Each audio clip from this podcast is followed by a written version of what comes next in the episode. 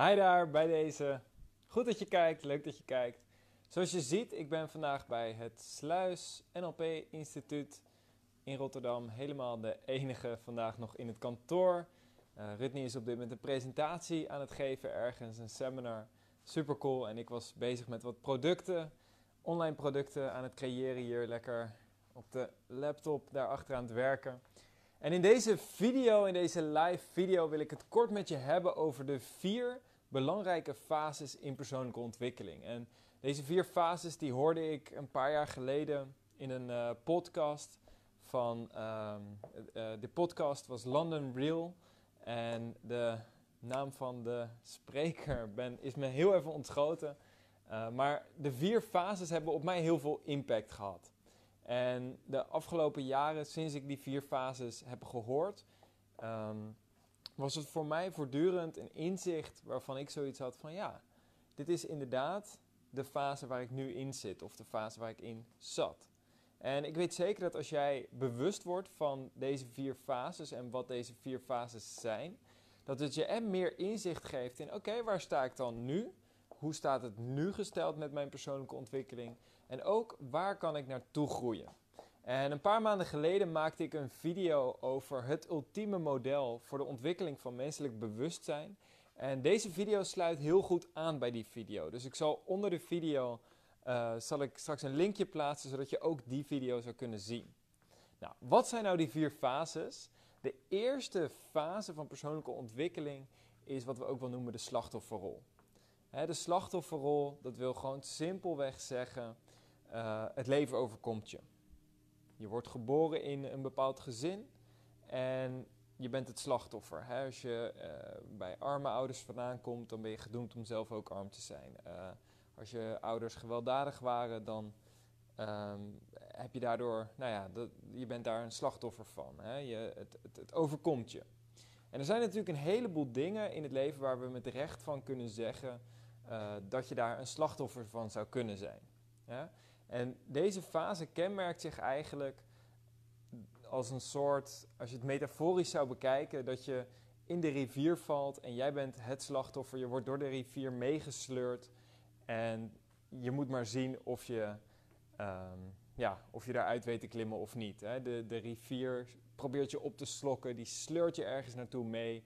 En de rivier van het leven is als het ware hetgeen wat jou overkomt. Nou, zoals ik al zei, we hebben, met, we hebben allemaal wel eens dingen die voor ons gevoel ons op dat moment overkomen. En dat voelt op dat moment verschrikkelijk. En het kan best dat je het idee hebt, ja, maar ik ben hier ook oprecht het slachtoffer. Alleen wanneer je daar voortdurend in blijft hangen, dan merk je vaak dat je steeds minder en minder gelukkig wordt.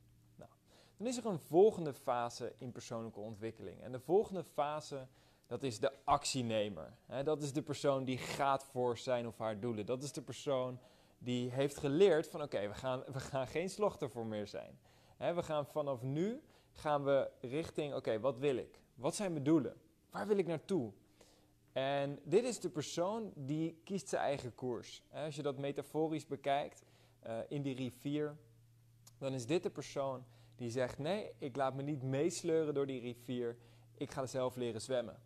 En ik ga desnoods tegen de stroom inzwemmen om ervoor te zorgen dat ik bepaal hoe mijn leven eruit ziet. Nou, in extreme zul je zien hè, mensen die hier volledig ingaan. Uh, zoals ik vijf jaar geleden en nog steeds wel een beetje, eerlijk gezegd, af en toe zit ik nog steeds wel in deze fase. Is gewoon actie, actie, actie.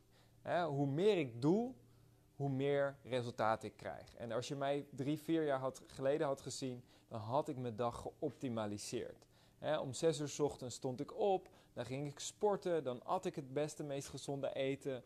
Uh, dan ging ik zoveel mogelijk werken, dan probeerde ik 10 uur, 11 uur op een dag te werken, soms tot s avonds laat, tot ik helemaal uitgeput was. En dan viel ik op mijn bed neer en dan was ik uitgeteld. En ik kreeg heel veel gedaan in die tijd. Als je de actienemer, als je dat vergelijkt met de eerste fase van het slachtoffer, dan is de actienemer vaak een heel stuk verder. En die bereikt een heel stuk makkelijker doelen in zijn of haar leven. Dus mijn groei ging gigantisch snel. Um, en wat er soms ook kan gebeuren is dat de actienemer een beetje neerkijkt op het slachtoffer. Hè? Dat de actienemer die denkt van ja, maar kom op jongens, waarom moeten we nou met z'n allen zo lui zijn? Hè? We gaan gewoon voor onze doelen. En een mooie film die ik een tijdje geleden zag, uh, heet Coach Carter uh, op Netflix. En dat gaat over een coach en die traint, uh, een basketbalcoach en die traint kansarme jongeren. Die eigenlijk ja, in een cultuur leven waar slachtoffer het normale is. Alles aan die cultuur schreeuwt slachtoffer, slachtoffer, slachtoffer. En het is oprecht ook heel moeilijk om daaruit te komen. Hè? Als al je vrienden, al je mensen in de omgeving allemaal de slachtoffer mindset hebben. En dat is gewoon hetgene waar je in leeft. Dat is gewoon de realiteit. En dan is het gigantisch lastig om daaruit te stappen. Maar coach Carter als basketbalcoach, die heeft gezien hoe uh, belangrijk het is om discipline te hebben. En om kei en keihard te werken. Dus hij traint een groep jongens om uiteindelijk het hoogst haalbare in die realiteit, namelijk een uh, universitaire studie te kunnen doen, om daar een college-ship voor te krijgen door de beste basketballers te worden. dus hij neemt ze door het slijk mee om die actie te nemen. Nou, dat is de tweede fase. En dan is er vervolgens een derde fase. En de derde fase, dat is meer de persoon die als het ware gelooft dat het leven is zoals het moet zijn.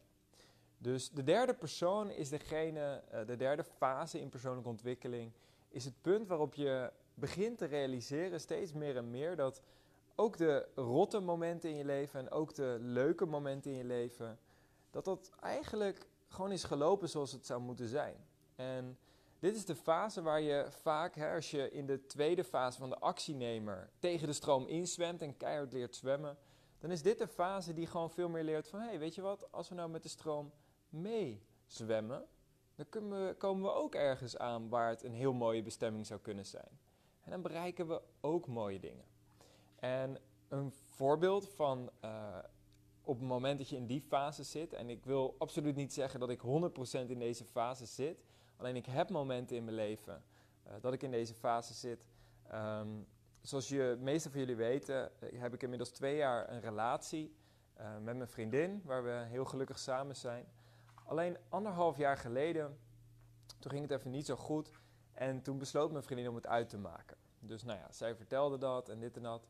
En nou ja, ze kwam bij mij en het was ja, ja, drama, huilen, uh, niet leuk. En eigenlijk toen ze op een gegeven moment wegging, toen besloot ik voor mezelf: oké, het feit dat dit gebeurt, betekent waarschijnlijk dat dit het beste is wat er nu moet gebeuren. Ik had het niet gewild, ik, ik stond hier helemaal niet achter, of het was niet mijn keuze. Uh, maar blijkbaar is dit wat er op dit moment moest gebeuren. Ja, uh, dit is hoe het leven gaat. Dus dit is waarschijnlijk het beste wat er op dit moment had kunnen gebeuren in mijn leven. En de week daarna had ik continu die overtuiging. Betekent niet dat ik geen pijn had erbij. Ik vond het nog steeds hartstikke vervelend. Uh, het zat me nog steeds heel sterk dwars.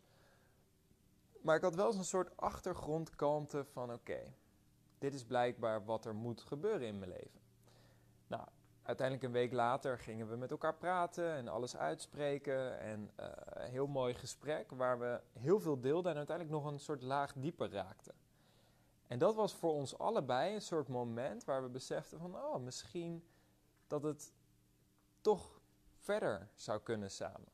En ook omdat ik het voor mezelf zo had geaccepteerd en zoiets had van, hey, dit is blijkbaar wat er nu moet gebeuren mede daardoor zijn we uiteindelijk weer samengekomen. Want wat ik heel vaak zie is bij mensen waarbij het uitgaat, is dat ze vervolgens in een soort afhankelijke stemming komen. Van shit, hè, dan, dan gaan ze soms terug van de actienemer in één keer weer naar de slachtofferrol. Hoe had dit kunnen gebeuren? Het moet ook altijd mij overkomen. En dan stappen ze in één keer weer terug in die slachtofferrol. Misschien herken je het wel als je zelf ooit een relatie hebt gehad. En ik heb het geluk gehad dat ik daarvoor bepaalde inzichten had dankzij meditatie en boeken en mentoren van mij, waardoor ik die valkuil als het ware vanuit mijn perceptie heb kunnen vermijden. Dus dat is de derde fase. Dat is de fase van ik zwem met de rivier mee en hetgene wat er op dit moment in mijn leven gebeurt, is wellicht het beste wat er op dit moment kan gebeuren. En wat ik nu in ieder geval in mijn leven merk is dat ik zit nog steeds heel erg in de actienemen fase. En ik geloof ook 100% dat dat een hele belangrijke fase is om ook mee te nemen in de volgende fases. Het is niet zo alsof je naar de derde fase gaat en ineens helemaal niks meer hoeft te doen. Het is alleen wat ik op dit moment ook merk in mijn leven is, ja, ik zou tien uur per dag kunnen werken om zoveel mogelijk gedaan te krijgen. Maar als ik bijvoorbeeld een video zoals deze opneem, of als ik bijvoorbeeld een presentatie geef, waar eigenlijk mijn carrière van afhangt, hè, mijn werk is heel creatief. Het is heel erg, oké, connecten, mensen inspireren, de beste versie van mezelf zijn en de beste content naar buiten brengen. Als ik mezelf soort van mijn energiebron uitput, dan is dat niet altijd de beste manier om vervolgens uh, mezelf naar buiten te brengen of met de meest creatieve, leuke ideeën te komen. En hetzelfde merk ik als het bijvoorbeeld over ondernemen gaat. Ik kan 10 of 12 uur per dag werken, alleen soms merk ik dan dat ik de meest belangrijke dingen waar het eigenlijk echt om gaat, dat ik die dingen over het hoofd zie. Dus op dit moment zie ik het eigenlijk veel meer. Ik werk nog wel eens een dag zo lang. Alleen zie ik het veel meer als, oh, blijkbaar heb ik het niet slim aangepakt. Hè? Waarschijnlijk had ik dit beter en slimmer aan kunnen pakken, dan had het nu niet nodig geweest. En dat is voor mij in ieder geval persoonlijk een signaal van, oh ja, dan ben je steeds meer richting die derde fase aan het gaan. Nou, dan vraag je je natuurlijk af, wat is dan die vierde fase? En de vierde fase is eigenlijk een vrij spirituele fase. Uh, dat is namelijk de fase waarin iemand zegt: Ik ben de rivier. En dat is de fase waarin je eigenlijk naar het leven kijkt alsof alles met elkaar verbonden is. Alsof er geen verschil is tussen wie ik ben en wie jij daadwerkelijk bent. We zijn uiteindelijk zijn we allemaal één. Uiteindelijk zijn we allemaal dezelfde. En voor de meeste mensen is dat een bizar concept. gewoon te vreemd om er überhaupt over na te denken. En voor mij is het ook niet per se iets waar ik mijn hele leven in leef en de realiteit die ik dagelijks meemaak. En tegelijkertijd kan ik me wel voorstellen dat het zo is. En een grappig verhaal. Een tijdje geleden volgde ik een, uh, een meditatieworkshop, een uh, spirituele workshop als het ware. En daarin werd op een gegeven moment ook verteld van, nou ja, we zijn eigenlijk uh, hè, allemaal verbonden en ook op een manier dat we zijn eigenlijk een combinatie, ons lichaam is een combinatie van eten. Gewoon heel simpel. Hè? Ons lichaam is gewoon een combinatie van alles wat we in ons leven hebben gegeten. Want vanaf de jeugd, we zijn ontstaan als één cel. En vervolgens deelt die cel zich en die moet continu voeding van de moeder krijgen. En tijdens ons leven moeten we continu voeding krijgen. Nou, dat eten wat we dus binnenkrijgen, dat komt ergens vandaan. Dat komt ergens vanuit de boom of uh, vanuit een bepaald dier. En dat eten wat we dus binnenkrijgen is ergens anders ontstaan. Dus eigenlijk bestaat ons lichaam, we denken wel dat wij het zijn, maar eigenlijk is dit een combinatie van noten en peren en fruit en groenten en rijst en voor sommige mensen van heel veel cheeseburgers. Dat is wie we zijn eigenlijk. Ons lichaam is een combinatie van heel veel eten. Natuurlijk, hè, we hebben ook nog een, een, geest als het ware, wat een andere realiteit uh, zou kunnen beamen. Alleen als je puur op lichamelijk level kijkt, dan is dat wie we zijn. En dan zou je zelfs kunnen zeggen, en dan wordt het een beetje smerig, maar dat was waar ik aan dacht toen ik dat verhaal hoorde. Ik dacht van oké, maar dat betekent dus ook dat op het moment dat wij uh, zeg maar uitwerpselen hebben, dat we te veel eten, dan komt dat vervolgens weer in de grond en dat wordt weer verteerd door insecten en dergelijke. En dat, die worden, insecten worden weer gegeten door grotere insecten en die worden weer gegeten door dieren die wij weer eten. Dus eigenlijk zijn we ook deels een combinatie van de uitwerpselen van andere mensen. Nou, nu denk je waarschijnlijk, shit, Ben, waar gaat dit over? Um, ehm, dat kan ik me helemaal voorstellen. Uh, maar dat is in ieder geval een stukje hoe ik op een humoristische wijze naar die vierde fase kijk. Van, hè, we zijn eigenlijk allemaal verbonden. Zelfs als je het gewoon puur fysiek bekijkt, zelfs dan, onze moleculen komen waarschijnlijk vandaan vanuit de uitwerpselen van andere mensen dus we zijn in dat opzicht zijn we allemaal verbonden. Dus ook op een andere manier, hè, er zijn een heleboel spirituele manieren om daarnaar te kijken. Sommige mensen die uh, psychedelica ervaren, die geven ook aan dat ze zich plotseling verbonden voelen met alles. Ik kan zelf zeggen dat ik ook wel eens in een diepe meditatie ook wel eens dergelijke gevoelens heb gehad. Dat ik echt het idee had van wauw ja, er is eigenlijk helemaal geen splitsing. Het enige verschil tussen mijn hand en de lucht om mijn hand heen is de snelheid waarmee de moleculen trillen. Dat is wat het verschil maakt. Verder, onze perceptie is dat het een compleet verschillende realiteit is, terwijl in werkelijkheid het niet zo is. Nou, ik ken niet heel veel mensen die permanent in die vierde fase leven. Uh, alleen ik weet wel dat het bestaat en dat het een hele krachtige fase kan zijn om in te leven, omdat je plotseling verbonden bent met alles en iedereen. Goed, dit was mijn visie op deze vier fases. En bij deze, als je iets aan deze video gehad hebt, vergeet dan niet om eventjes op like te drukken of een reactie achter te laten. En wij zien elkaar binnenkort weer. Ciao!